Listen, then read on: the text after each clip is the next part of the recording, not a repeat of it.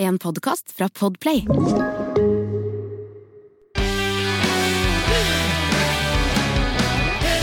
Hei, hei, og gratulerer og kondolerer til deg som har ramla borti vår nye podkast. Dette er altså Helsemeggene tar tempen.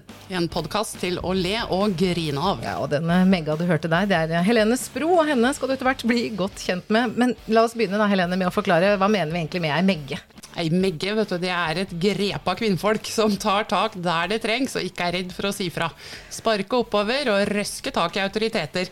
Og verne de som er eh, mer sårbare. Mm, det er forskjell på folk, og det er forskjell på oss også. Kan ikke du begynne med å introdusere deg, da? Hvem er egentlig Helene Spro? Eh, Jeg er eh, en østfolding, 46 tror jeg. Sånn omtrent. Noen ganger 28.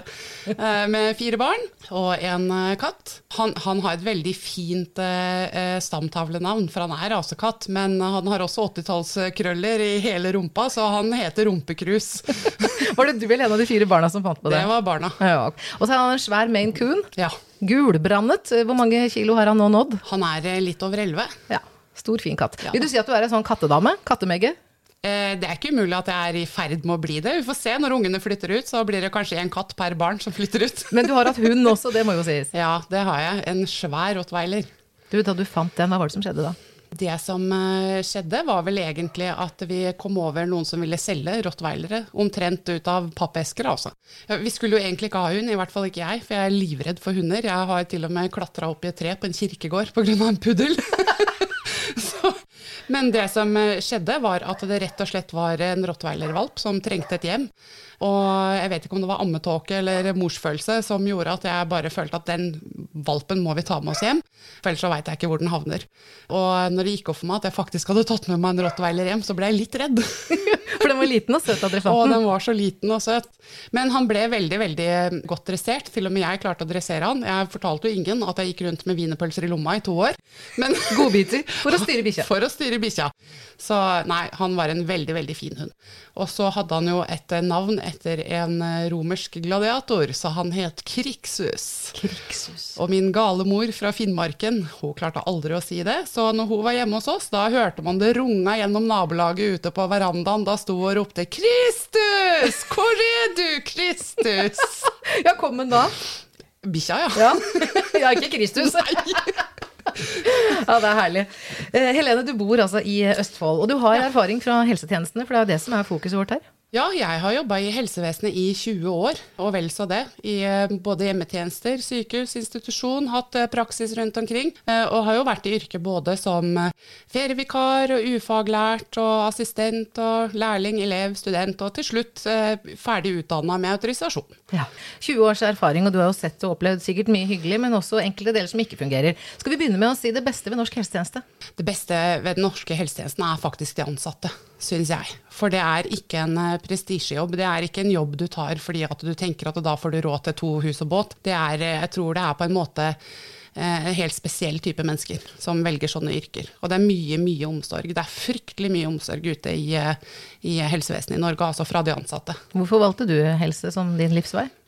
Fordi, rett og slett fordi at jeg er veldig glad i mennesker. Gjennom 20 år så har du stått løpet og fått fire egne barn, så noe sier meg at du er glad i folk. Og jeg har jo kjent deg noen år, Helene. Du er en ordentlig, du er ordentlig menneskeglad. Takk. Men du er ei begge òg. Ja. det skal du ha. Jeg får presentere meg kort, jeg òg, da. Jeg heter Lise Askvik, og ja, jeg er også Megge, og jeg er journalist og initiativtaker til Helsepartiet. Nå er jeg også Helsemegge, da har jeg tospann med Helene, og på privaten så er jeg gift med Espen, og jeg har en sønn som heter Leo, han er 15 år. Og eh, hvis du som lytter hørte at det var litt bjeffing i bakgrunnen her, så var ikke det noen lydeffekt vi la på da Helene fortalte om Krigshus. Det var mine to hunder, Business og Pleasure, som bjeffer, for vi har hjemme... Ja, der bjeffer den igjen. Tullingen. Han er så god. Han bjeffer fordi det går folk forbi. Vi har nemlig hjemme podkaststudio. Og vi bor i nærheten av en sånn pilegrimsled. Har du sett at det kuter folk til og fra hele tida? Jeg har sett det. Mye folk som går tur. Og da må selvfølgelig bikkjene si fra. Men jeg må bare ha sagt at det å starte et politisk parti, det er jo ren galskap. Og du må regne med å jobbe 16-timersdager, og så må du betale det det koster først. Så må du håpe på at medlemmet bidrar litt, og så etter hvert så får man stemmer ved valget, og da mottar man bidrag fra staten ettersom hvor mange stemmer man får. For det er noen som tror at man får penger hvis man starter et parti. Sånn er det ikke. Man betaler allting sjøl. Men um, gjennom Helsepartiet så må jeg bare si at jeg er blitt kjent med så mye hyggelige, flotte folk. Mye gode, varme sjeler. Både ansatte og pasienter og pårørende og ja, mange andre. Men eh, når helsevegden skal ta tempen på samfunnets rumpe, Helene, så er det du som styrer termometeret. Og det er du som skal få lov til å velge de temaene vi tar for oss i hvert program. Og hvilket tema skal vi begynne med? I dag så skal vi ta termometeret rett opp i rassen på Nav. og det hører vi jo fra mange av våre venner i Helsepartiet at Nav har eh, selvfølgelig hjulpet mange, men det er en del steder hvor systemet glipper. Altså, vi er jo heldige fordi at vi har Nav, hvis vi skal sammenligne med, med andre land. Men samtidig så, så, er det jo mye som står lovfesta at vi har krav på, som ser fint ut. Men i realiteten så får man jo ikke det. Eh, og da er det jo veldig veldig frustrerende. Samtidig så er det jo også utrolig store summer som går til et byråkrati som er helt absurd og ikke hører hjemme noe sted. De skal jo ha attester og dokumentasjon på absolutt alt. Eh, har du amputerte ben og ikke regelmessig eh, bekrefter det med en legeerklæring, ja da kan de komme hjem til deg og ta fra deg trappeheisen. Ja, det har jeg hørt. Ja. Altså, når man har amputert, det er jo ikke noen sjanse for at det vokser ut igjen. Nav er ekstremt optimistiske. Det er akkurat det samme hvis du er blind. Så må du også bekrefte at du er blind. Og man må ikke glemme at en førerhund faktisk er et teknisk hjelpemiddel. Så vil du beholde bikkja di, så får du sørge for å dokumentere med legeattest at du fremdeles er blind. Og hvis man har downs? Ja, da kan du også helt plutselig våkne en dag og være frisk som en fisk. Det er helt snurrig. Jeg lurer på hvorfor verden vi har sånne regler. Altså her, De er jo litt paranoide og tar utgangspunkt i at alle svindler og lyver. Det er veldig vanskelig å fake at man ikke har bein. Mm. Men Nav har ganske stor tro på folks evne til å svindle og bedra, tydeligvis. Og det går utover dem som faktisk trenger hjelp og har reelle behov. Vi må jo også fortelle at vi kjenner jo også mange av de folka som jobber i Nav, og det er jo ganske mange av de ansatte som også fortviler over et regelverk som ikke tar høyde for helt normale ting, som at hvis du har en permanent lidelse, så blir du ikke bråfrisk. Nei, det er eh, faktisk Jeg har snakka med flere som sier at eh, det er ansatte som slutter, for de orker det ikke, og det er vanskelig å forklare eller forsvare da, en del av eh, de kravene de har. da. Har du sjøl opplevd noe sånt nå? ja, jeg har jo hatt en artig runde med Nav, jeg òg, hvor eh, mitt barn, som jeg også hele tiden må, må kunne dokumentere og bekrefte at jeg har en autismediagnose og en alvorlig hjerneskade, da jeg måtte søke om pleiepenger for å bistå henne, så ville Nav ha en ny bekreftelse fra legen som diagnostiserte henne på at hun fremdeles hadde hjerneskade og autisme. Hva skal de med doble bekreftelser? Jeg aner ikke om de tenkte at legen kanskje ikke fins, eller at BUP ikke fins, eller kanskje ikke barnet mitt fins. Jeg aner ikke. Følte, ja, hvordan følte du deg da når Nav kom og ba om ekstra dokumentasjon? Det, det, som er litt eh, spesielt, som jeg tror kanskje flere foreldre kjenner på, det er, det er at det er faktisk litt vondt å sitte med de papirene eh, gang på gang på gang. fordi at selv om man eh, elsker barnet sitt og er glad i det akkurat sånn som det er, så er det faktisk litt vondt. Det er jo en tristesse ja, det å ha et barn som ja. ikke er som alle andre. Kan noen ta det saltet fra Nav nå? Det holder, liksom. Det, det er sånn det føles. De skal gni litt salt i det såret. Men, eh, men, det som kanskje er veldig leit med den eh, attestmanien de har i Nav, det er jo at de ikke tar hensyn til at helsevesenet har ventetider som er helt absurde. Og når jeg da måtte prøve å få en time hos legen på BUP, som hadde diagnostisert barnet, så var det en ventetid på 40 uker, altså. 40 uker, 40 uker, for en diagnose som du egentlig allerede hadde som dokumentert? Jeg hadde, ja. Og de hadde, Nav hadde fått kopi av epikriser og diagnoser og alt, men de ville ha det på nytt. Men var du den ene uheldige som falt utenfor, eller kjenner du til andre tilfeller? Nei, dette er helt vanlig. Dette er helt vanlig. Og, og spesielt i pleiepengesaker hvor barnet ikke er innlagt, men faktisk er hjemme og har behov for mor eller far. Så er det et kjempeproblem. Er det innlagt, så har du tilgang på en lege som kan signere det arket for deg. Hvis ikke, så må du faktisk få en time i spesialisthelsetjenesten. Og det er ikke gjort på et blunk. Og Nav de tar ikke hensyn til det, så de betaler ikke en krone før de har fått papirene. Og når de har fått papirene, så tar de seg gjerne tre-fire uker på saksbehandling også. Så i mitt tilfelle så gikk vi jo i åtte måneder uten inntekt. Hadde ikke en krone. Hva gjør man da, Helene, for å overleve? Da begynner man å låne. man har jo ikke noe, nei, jeg er heldig, jeg hadde noen å låne av, det er ikke alle som har det. Jeg spurte Nav om jeg kunne få søke sosialstønad, da, siden jeg var uten inntekt. Og det klarte jeg jo i hvert fall å dokumentere. Men de har jo ikke krav på sosialhjelp, jeg. Men den lytteren som nå tenker at uh, dette er veldig private personlige opplysninger. Du har jo våget å stå fram og fortelle denne historien i uh, Fagbladet. Ja da, den, den, historien har vært eh, delt over hele Norge. Og jeg delte også frustrasjonen min på min egen blogg Monstersnupp, og den ble delt over 100 000 ganger. Og, og det er litt av et nedslagsfelt? Ja, det er litt av, men det som er kanskje trist, er jo at den, den saken fenga fordi at det var så mange som kjente seg igjen. For det, Man kan si at det er gøy som logger at det er 100 000 som har klikka seg inn, men det er veldig trist når de gjør det fordi at de ser at det er Nav, og de kjenner seg igjen. Hvem er det som har ansvaret her, da? Det er jo regjeringen og Stortinget som har ansvaret her, og jeg snakka med flere i Nav jeg, når jeg var frustrert, og journalister kontakta dem jo også, for jeg fritok jo Nav fra taushetsplikten i min sak, for jeg ville jo sjøl ha forklaring på hvorfor det skulle være så borti natta. Da sier de at hvis minister Røe Isaksen hadde ringt dem og sagt at det er greit, gi Helene pleiepenger, ja da kunne du fått det. Gjorde Røe Isaksen det, da?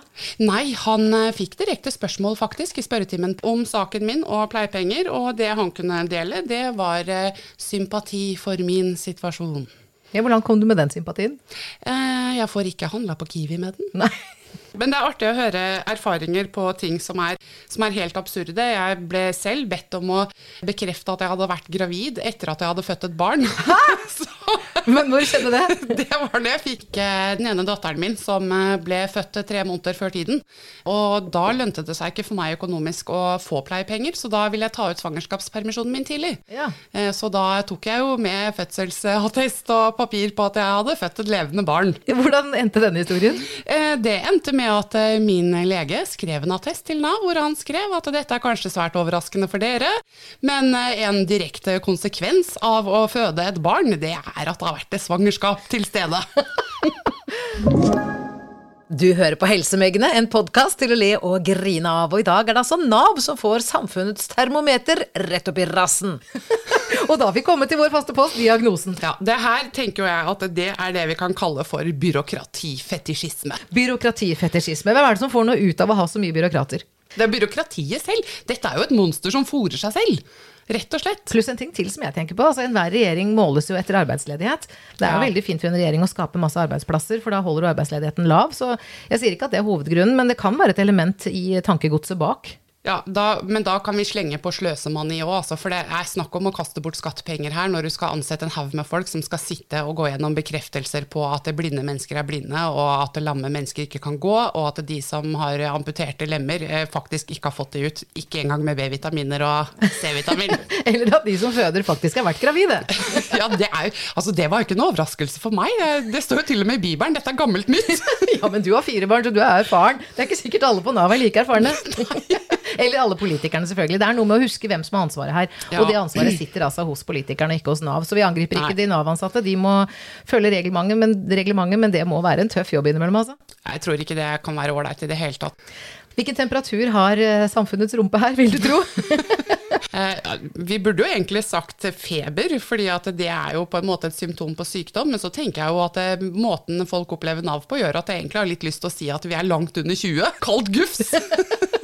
Men Helene, eh, vi skal jo ikke pushe Helsepartiet altfor mye her, men vi har jo politikk som ønsker å endre på disse reglene. Du har også bidratt til å prøve å finne en kur for eh, denne diagnosen, Helene. Ja, det er jo egentlig det jeg tenker at alle burde gjøre når de oppdager sånne feil. Gjøre sånn som meg, bli megge, bli litt politisk aktiv. Jeg skrev sjøl en resolusjonsforslag som ble vedtatt på Helsepartiets landsmøte. Og et resolusjon, hva er det? Det er forslag til politikk, en ny måte å gjøre ting på. Og når jeg så hvordan de håndterte pleiepengesaker i Norge, så følte jeg at det her er bare tull og tøys. Det er, koster så mye for de menneskene som sitter i en sånn situasjon. Og det er helt unødvendig. Så hva står det i den resolusjonen da, som, som, kunne løse dette problemet her? Det jeg foreslo, det er at barn som allerede er diagnostisert, skal kunne få søke pleiepenger via fastlegen sin. Og hvis fastlegen ønsker mer dokumentasjon, så skal man kunne legge ved epikriser og papirer fra BUP, eller eventuelt PPT. Men et barn som er diagnostisert, trenger ikke å diagnostiseres på nytt. Men man kan jo få pleiepenger hvis man tar seg av sine gamle foreldre også. Vil det samme gjelde for eh, de som har omsorg for eldre? Nei, her har jo regjeringen bestemt at du er bare pårørende til de som er under 18 år. Så det er rart med det. Helt utrolig. Men eh, Helene, bra jobba, for du skrev en veldig god resolusjon som både gikk gjennom eh, redaksjonskomiteen, og som siden ble tatt opp på landsmøtet og diskutert der. Og jeg tror faktisk den, hvis jeg husker riktig, så ble den enstemmig vedtatt. Den ble enstemmig vedtatt til applaus, til og med. Ja! Her kommer applausen! Ja, det var et megatriks. Det var applaus på boks. Men det var omtrent sånn det lød på Helsepartiets landsmøte. Nå begynner vi å bli politikere når ikke vi gidder å klappe sjøl. ja, men du, det gjør de heller ikke på sånn som Maskorama. For der også satt de uten publikum i salen. Så de ja. hadde jo egne bokser hvor de satt og nitrykka på klappeknappen. Yes. Det også klapper de for. Hæ? Ja, ikke sant? Men du er typisk politiker og applauderer for seg sjæl. Det må vi prøve å ikke drive med. Nei, vi driver ikke med det. Ja, men du, Da tror jeg vi skal runde av første episode av Helsemeggene tar tempen. Hva er eh, tema for neste podkast? Du, Neste gang da skal vi snakke om underbemanning i eldreomsorgen. Og her blir det både latter og tårer. Jeg gleder meg. Du kan grue deg. Takk for i dag. Takk for at du lytta. Vi er Helsemegene tar tempen, en podkast til å le og grine av. Ha det! Og god bedring.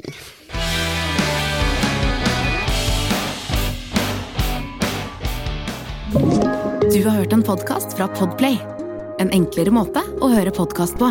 Last ned appen Podplay, eller se podplay.no.